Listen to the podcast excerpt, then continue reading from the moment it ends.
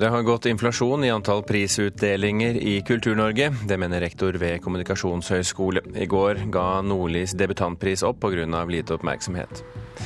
Moderne biler skaper store utfordringer for personvernet, mener Datatilsynet, som vil undersøke hvordan bilselskapene håndterer informasjonen. Og Ingmar Ambjørnsen langer ut mot voldsbruken i norsk krim i sin nye roman. Dessuten skal vi snakke om språk, litteratur og medier i Ukraina i Kulturnytt i dag, en sending du får med Birger Kåsrud Aasund i studio. Flere priser som deles ut i Norge kommer til å måtte legge inn årene, sier rektor ved Høgskolen Westerdals, som mener det har gått inflasjon i antall prisutdelinger. I går ble både Bendiksen-prisen for musikk og Oslo bys kulturpris delt ut, samt Doblaugprisen, og det er bare noen i en svært stor gruppe av slike priser i Norge en del av disse prisene eh, kommer til å forsvinne, og de bør kanskje forsvinne. Sier rektor ved Westerdals høgskole, Tom Quisle. Han sikter til mylderet av norske kulturpriser. Bare på litteraturfeltet alene blir det delt ut over 50 priser hvert år i Norge. Det viser tall som NRK har samla inn. Jeg tror det er såpass mange priser som deles ut at eh, de aller, aller fleste på langt nær har oversikt og får med seg prisutdelingene. Å finne det nøyaktige tallet på kulturpriser er vanskelig, men i tillegg til litteraturprisene kommer hundrevis av priser innen musikk, arkitektur, drama, billedkunst og andre kunstarter. En av disse prisene ble delt ut i Oslo rådhus i går. Og det er en stor glede for meg å gi kulturprisen til deg, multikunstneren Jo Nesbø. Det er uh, veldig stas. Uh, Oslo er en by som jeg, som jeg, har brukt og til dels misbrukt. Sa Jo Nesbø da han i går ble tildelt Oslo bys kulturpris på 100 000 kroner. Nesbø ønsker ikke å kommentere om det er for mange kulturpriser i Norge i dag. Men Øystein Sundelin, leder i kultur- og utdanningskomiteen i Oslo, mener at prisen de deler ut, har livets rett. Oslo by har behov for å sette pris på eh, de kultur- og kunstnerutøverne vi har i vår by, og det er det de prisene vi deler ut i dag skal eh, være. Og en eh, kunst- og kulturpris fra Oslo by vil jeg tro at våre Oslo-kunstnere setter stor pris på. Kulturprisen i hovedstaden er en av de mange som kjemper om å få omtale i media. Rektor ved Westerdals, Tom Quisle, tror mange overvurderer PR-effekten ved å opprette en pris. Mange av dagens priser som deles ut, har en veldig kort eh, eh, tid i, i, i, media og offentlighetens søkelys. Og, har i så måte veldig liten effekt tror jeg, PR-messig eller omdømmemessig for de som, som gir det. Og det er ikke alle som når opp i mediekampen. Nordlys debutantpris, som ble oppretta i 2011, ble lagt ned i fjor etter bare tre år. Vi fikk ikke nok merksemd, sier daglig leder for Nordli Libris, Jon Thomas Gaard. Vi har jo hatt eh, invitert media og andre til de utdelingene vi har hatt. og det, De to siste gangene har det jo ikke vært eh, oppmøte fra media i det hele tatt. Blant annet. Eh, det er den ene siden. Og det andre er jo at vi har sett at det har heller ikke gitt noe salg.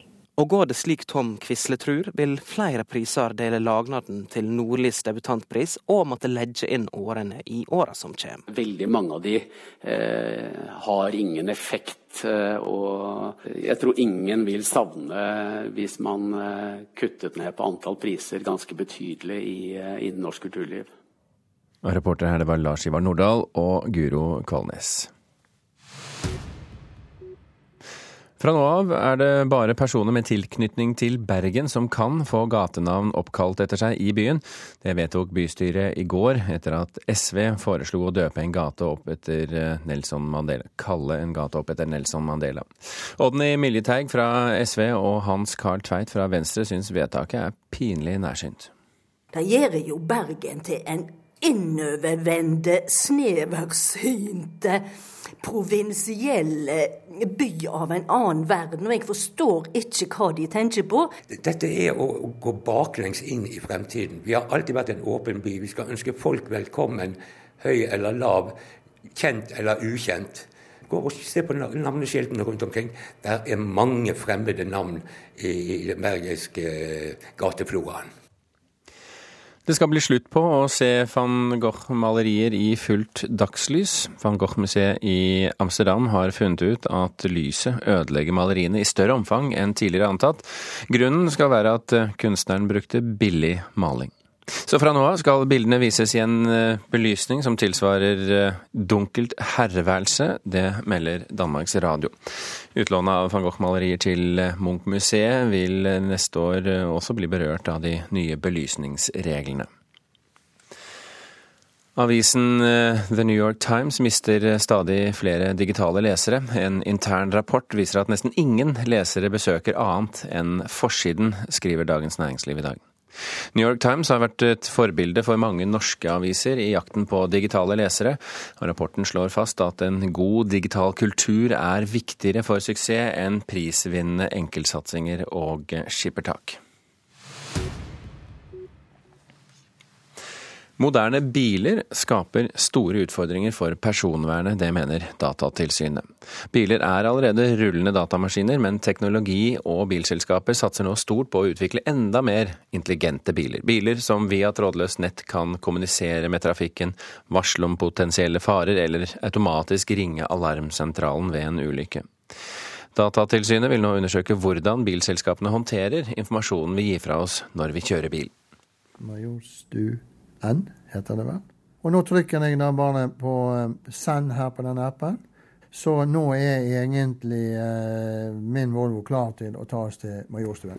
Med noen tastetrykk på telefonen sender administrerende direktør i Volvo Norge, Øystein Hærland, reiseruten til bilen. Da er vi eh, kommet inn i Volvo, og så spør han da om vi vil kjøre til Majorstua skole. Til den uthevede ruten, så vil ruteveiledningen starte.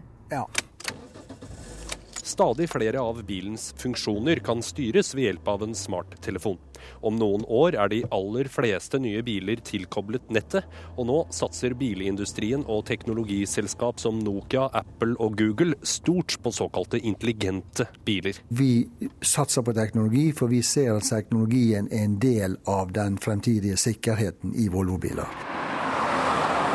Med nettforbindelse og innebygde sensorer vil bilene etter hvert kommunisere med omgivelsene og kunne fortelle andre biler i trafikken om veien er glatt, om det er en fotgjenger rundt neste sving, eller automatisk gi beskjed til verkstedet om bremseklossene begynner å bli slitt. Alle bilens funksjoner overvåker eh, seg selv kommuniserer med våre tekniske sentraler, og når konklusjonen er trukket, så kan vi kommunisere det tilbake til deg. Så da blir eh, bilholdet ditt kanskje mer eh, enkelt.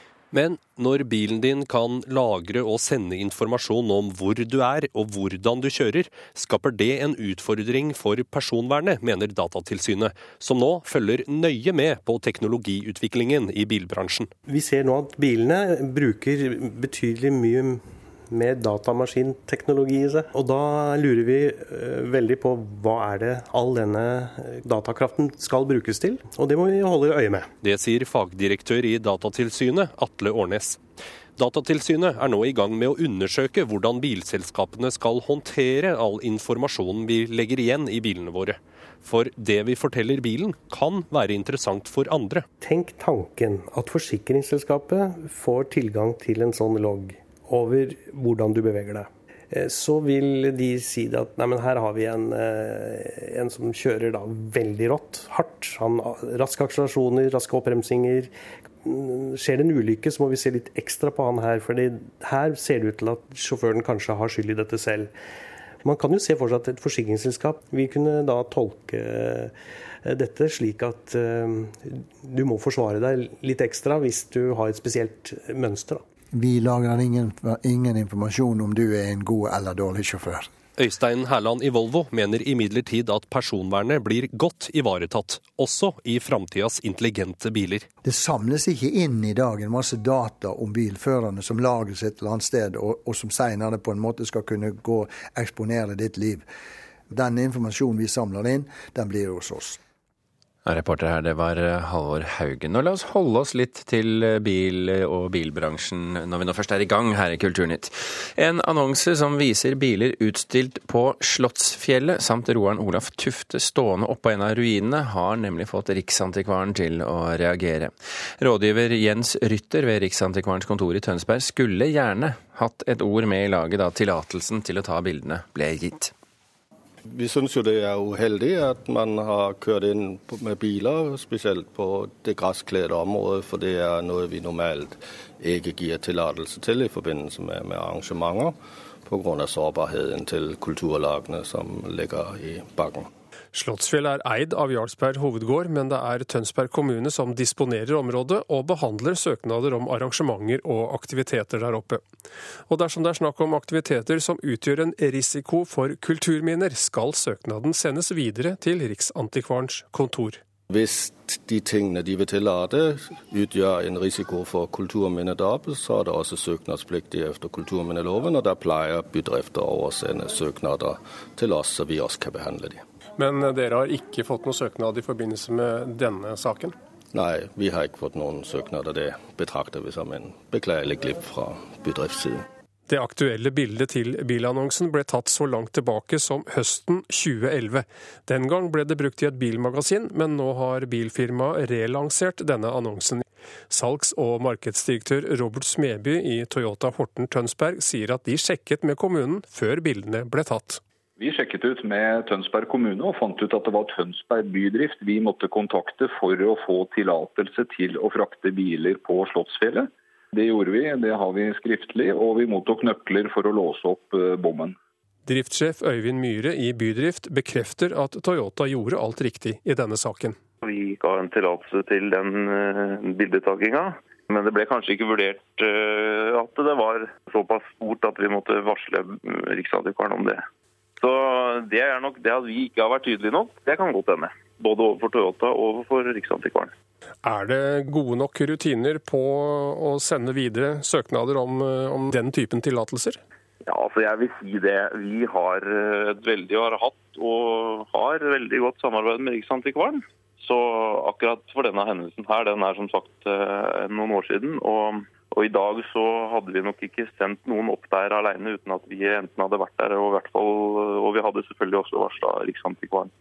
Ja, det sa Øyvind Myhre i Bydrift i Tønsberg til slutt. Reporter her var Jan Gulliksen. Klokken er 15,5 minutter over åtte. Du hører på Kulturnytt, og dette er toppsakene i Dagsnytt eh, nå. Skadene etter flommen på Balkan minner om krigen på 1990-tallet, ifølge Røde Kors. Det er ventet at tallet på døde kommer til å stige. Det er vanskeligere å få jobb. Mange bedrifter har sluttet å ansette folk. Det er 7500 færre ledige stillinger nå enn i mai i fjor, viser undersøkelse. Og leger finner i stor grad sin partner blant likesinnede.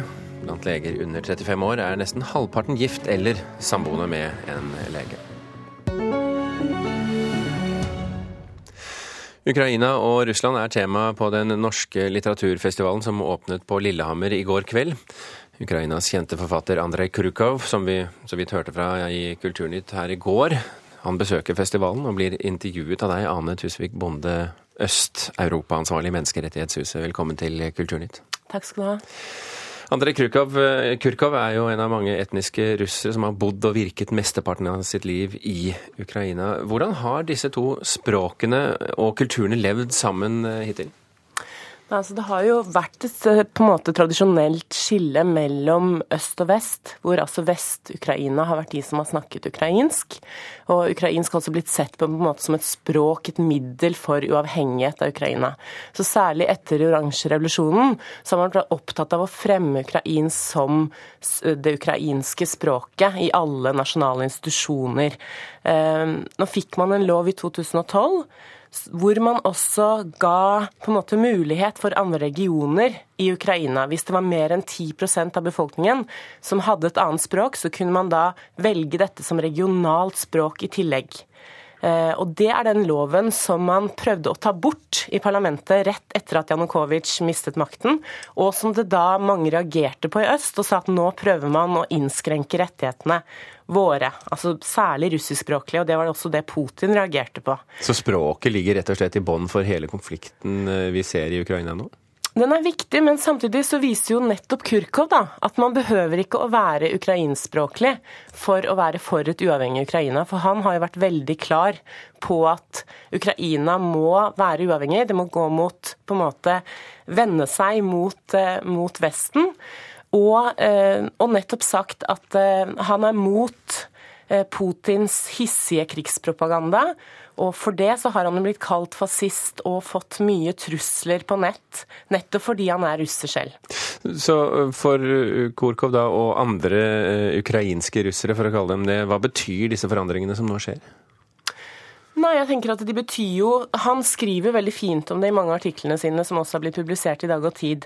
Nettopp det, altså For vanlige ukrainske borgere så er det jo en omveltning. Han sier at man er lei av å være redd, man er lei av omveltningene. Man ønsker bare et dagligliv. Eh, men han sier jo at det er jo veldig spesielt å bli kalt fascist når du selv har eh, bestefedre som har kjempet mot fascismen. Han sier at det, Ehm, det eneste jeg har gjort, er å si at jeg ønsker at Ukraina skal være uavhengig. Han er jo også eh, en av visepresidentene i ukrainsk Penn, og var veldig tidlig på banen med å si at Vesten måtte være klarere med sanksjoner mot Janukovitsj i januar, når nettopp før altså man fikk de store tallene på døde, når det bare var noen få, så sa han dette regimet går nå har også krysset en grense, og nå må Vesten reagere. Så han har sagt at uh, han mener at Eh, her i Ukraina så går nyhetene så fort at vi rekker ikke å følge med, vi rekker ikke å lese aviser, mens det virker som at i Vesten så får man nyhetene med kurer. Mm. Så langsomt reagerer man. Men hvilken rolle har Korkov og andre eh, si, akademikere og forfattere og intelligensiaen i Ukraina nå? Hvilken rolle spiller de? Jeg tror de spiller en, en viktig rolle, Uh, og også ikke bare forfattere. Altså, nå I det siste så har man også sett at andre forfattere Det har vært en forfatter nå i øst, i Lugansk, som har kommet på banen og sagt at det nå er slutt på at man sier at alle i Lugansk i øst er for en eh, uavhengig republikk, som har kommet med et åpent brev og sagt jeg vil være stemmen for de som ikke heter alle, og nettopp si at jeg ønsker å være en del av Ukraina. Men du ser at det er ikke bare de intellektuelle forfatterne, men det er også Roslana, som mange husker som vant Grand Prix for noen år siden. Altså Hun har vært en veldig viktig frontfigur eh, på Maidan. Mange kunstnere. Så det er en bred gruppe på en måte av de ulike, altså innenfor kulturen, som har vært viktige og vært viktige stemmer. Men har de noe de skulle sagt? Har de, har de noe gjennomslag? Ja, altså det jeg tenker som er viktig med det som er stemmen deres, er jo at de sier at vi, eh, litt det samme som mange på Maidan har sagt, at vi representerer ikke en politisk gruppe. Vi representerer bare folket. Vi er borgere av Ukraina. Mm. Eh, Ane Tusvik Bonde, eh, god tur til Lillehammer, jeg sagt, og, og lykke til med intervjuet med Korkov. Og tusen hjertelig takk for at du kom til Kulturnytt. To av de tydeligste trendene i norsk samtidslitteratur får så det svir i Ingvar Ambjørnsens nye roman 'Ut av ilden'. Også presten får sitt pass påskrevet. Her er vår anmelder Anne Katrine Straume. Det er oktober. Jeg forteller Alexander Irgens, fetert krimforfatter i super-mega-bestselgerklassen, er på vei til Lillehammer, der hans siste krimroman skal lanseres med et stunt i Agatha Christies ånd. Et dusin heldige Libris-ansatte, bare kvinner, er invitert til en middag med innlagt krimfortelling. Både forfatteren selv og en av festdeltakerne skal dø i løpet av måltidet, hvorpå løsningen kommer i biblioteket, foretatt av TV-stjernen som spiller Irgens krimhelt. Godt blått, som Ambjørnsen slipper for raskt, for han skal videre, natten blir våtere, byturen kommer ut av kontroll, ikke uten bidrag fra Irgens hardtslående elskerinne. Når Ingvar Ambjørnsen, som ikke må forveksles med Alexander Irgens, bokstavlikheten til tross, skal kritisere norsk bokbransje, så gjør han det med elegant humor. Irgens selv er en superklisjé, den forfyllede, notorisk utro, mannlige forfatteren i 50-årene som helst ville ha skrevet kunst, men som etter mange års taushet skyter gullfuglen med første bok om Stig Hammer, og vips er fanget inn i serielitteraturens kommers og forråing. Hans egen personlige tragedie avsløres litt etter litt. Det er en metode jeg har stor sans for, og som gjør at fortellingen hele tiden utvides og utdypes. Både redaktører og salgsapparat hos Cappelen Dam, som Ambjørnsen jo selv kjenner godt, kommer relativt greit ut av raljeringen. Alle vet at markedsavdelinger skal selge. Verre er det med de to tydeligste trendene i norsk samtidslitteratur for tiden. Den økende voldsbruken i krimlitteraturen, med klar adresse til Jo Nesbø, blir hudflettet. Det samme sammenblandingen av selvbiografi og fiksjon, og kynisk utnyttelse av virkelige modeller. En grenseoverskridelse som skal vise seg å få konsekvenser for Irgen selv. Det som begynner som relativt ufarlig harselas, strammer seg til best kritikk med en sjokkerende svir av en slutt.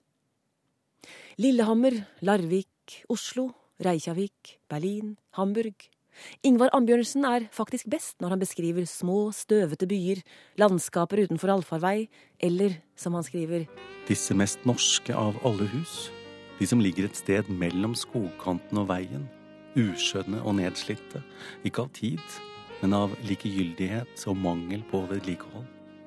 Allerede i starten av romanen viser han oss en varm oktober. En sommer som nekter å gi slipp på landskapet, som strekker seg inn i et annet rom enn sitt eget. Mot slutten av romanen er det blitt kaldere. Der betrakter jeg fortelleren Neonbelysningens gjenskinn i de sorte grenene som frosten har gitt en tynn hud av is. Ja, Ingvar Ambjørnsen legger hjertet sitt i detaljene, tenker jeg. I de nydelige små hverdagsbetraktningene og de mange fyndige dialogene. Som romanprosjekt er Ut av ilden underholdende, den har i tillegg eksistensielle dimensjoner. Men fortellingen som sådan svekkes av litt for mange bipersoner som ikke tilfører annet enn forvirring og en plausibel forklaring når nettet snører seg sammen til slutt. Anne Katrine Straume anmeldte Ingvar Ambjørnsens siste roman Ut av ilden, og vi minner om at du som vanlig finner anmeldelsene våre på nrk.no. Det skorter ikke på oppfinnsomhet når sommerens festivaler skal lokke til seg publikum og gi dem spesielle konsertopplevelser. Sildeoljetanker, tunneler, sementlagre, grotter, kirkegårder, søppelfyllinger og forblåste holmer og skjær er bare noen av de stedene som tas i bruk. Det siste er å arrangere konserter hjemme hos publikum. Velkommen inn i stua vår. Førstkommende lørdag åpner Mari Ånonsund og ektemannen Ole Kelly Kvamme dørene til sitt rødmalte hjem i Eidehavn i Arendal for et betalende konsertpublikum. Her er scenen mot vinduene. Det er her bandet står. Og så sitter publikum så nærme Som første par ut stiller ekteparet huset sitt til disposisjon som spillested i Kanal Streets nye konsertkonsept In the Neighborhood, eller nabolagskonsertene. Festivalen har allerede artister til ytterligere minst to konserter klare, men mangler scene, sier festivalleder Mats Aronsen. Eh, det er kanskje kortversjonen, men det er klart at vi har en baktanke. Vi vil gjerne ut i kommunen. Vi vil gjerne involvere innbyggere i å skape festivalen. Invitere de til å være med og, og utvikle festivalen vår. Og vi vil gjerne fortsette den letinga på nye, spennende steder. Og det er jo ikke noe galt med de konvensjonelle scenene, men det har vi jo så mange av. Det vi har sett når vi har forska på det her, det er at mange setter veldig pris på at man iscenesetter på nye og spennende måter. Sier forsker Gjermund Vollan ved NTNU i Trondheim. F.eks. det man gjorde under Canal Street, som man har artisten eh, Molvær på Eidehavn. Eh, det var jo veldig mange av de som var der, som setter veldig stor pris på den iscenesettinga. Kanal Street er ikke eneste festivalen i Norge som jakter utradisjonelle spillesteder. I Stavanger har den internasjonale kammermusikkfestivalen tidligere hatt konsert i et 60 meter høyt og skeivt gammelt sementlager, mens festivalen Sommermelbu i Nordland arrangerer konsert i en nedlagt sildeoljetank. Også Risør kammermusikkfest har arrangert konsert i gamle industrilokaler, i tillegg til trange bedehus og kirker. Ja, nordmenn elsker alt som er ekstremt. Per Erik Kise Larsen er festivalsjef i Risør kammermusikkfest. Så, så, jeg tror det appellerer litt til, til, til nordmannen i oss alle, det å oppleve ting eh, som er litt ekstremt. Og, og, sånn er det også med musikken. Eh, vi har da valgt å løse det i Risør med å være ute på dette som heter Stangholmen, som er for blå støy ytterst i havgapet.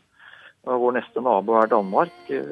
Men det, dit kommer folk og, og har en stor musikkopplevelse.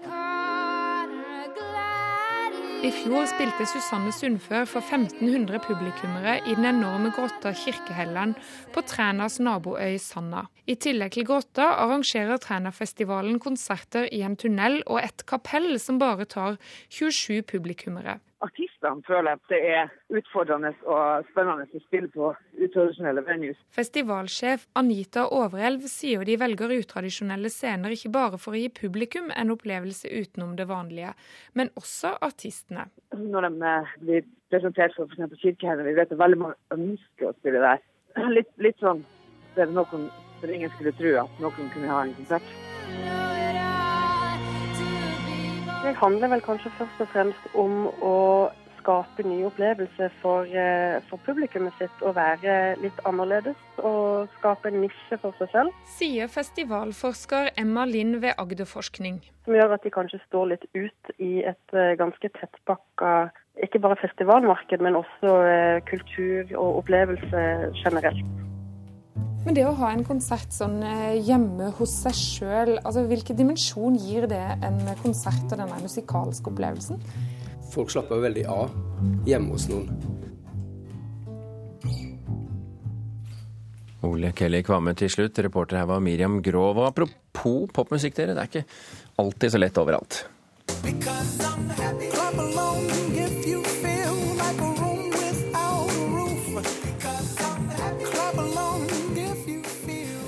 For sju personer er arrestert i Iran for å ha lagt ut en video på nettet med kvinner som danser til Pharrell Williams' låt 'Happy' uten å dekke til håret. I Iran er det nemlig påbudt for alle kvinner å dekke til alt hår, håndledd og ankler når de viser seg offentlig.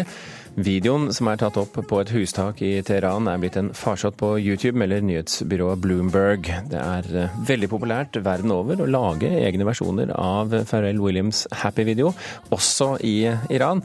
Eller kanskje nettopp eh, ikke. Kulturnytt eh, runder nå av. Øystein Heggen er klar med flere nyheter fra verden over. Vi kan jo fortelle til slutt at uh, vi har meldt i dag at det har gått inflasjon i antall prisutdelinger i Kultur-Norge. Det mente i hvert fall rektor ved Kommunikasjonshøgskolen Westerdals. I går ga Nordlys debutantpris opp pga. lite oppmerksomhet. Kulturnytt eh, fikk du i dag av eh, Lars Tronsmoen, Espen Alnes og Birger Kolsrud Jåsund. Les flere kulturnyheter på nrk.no kultur.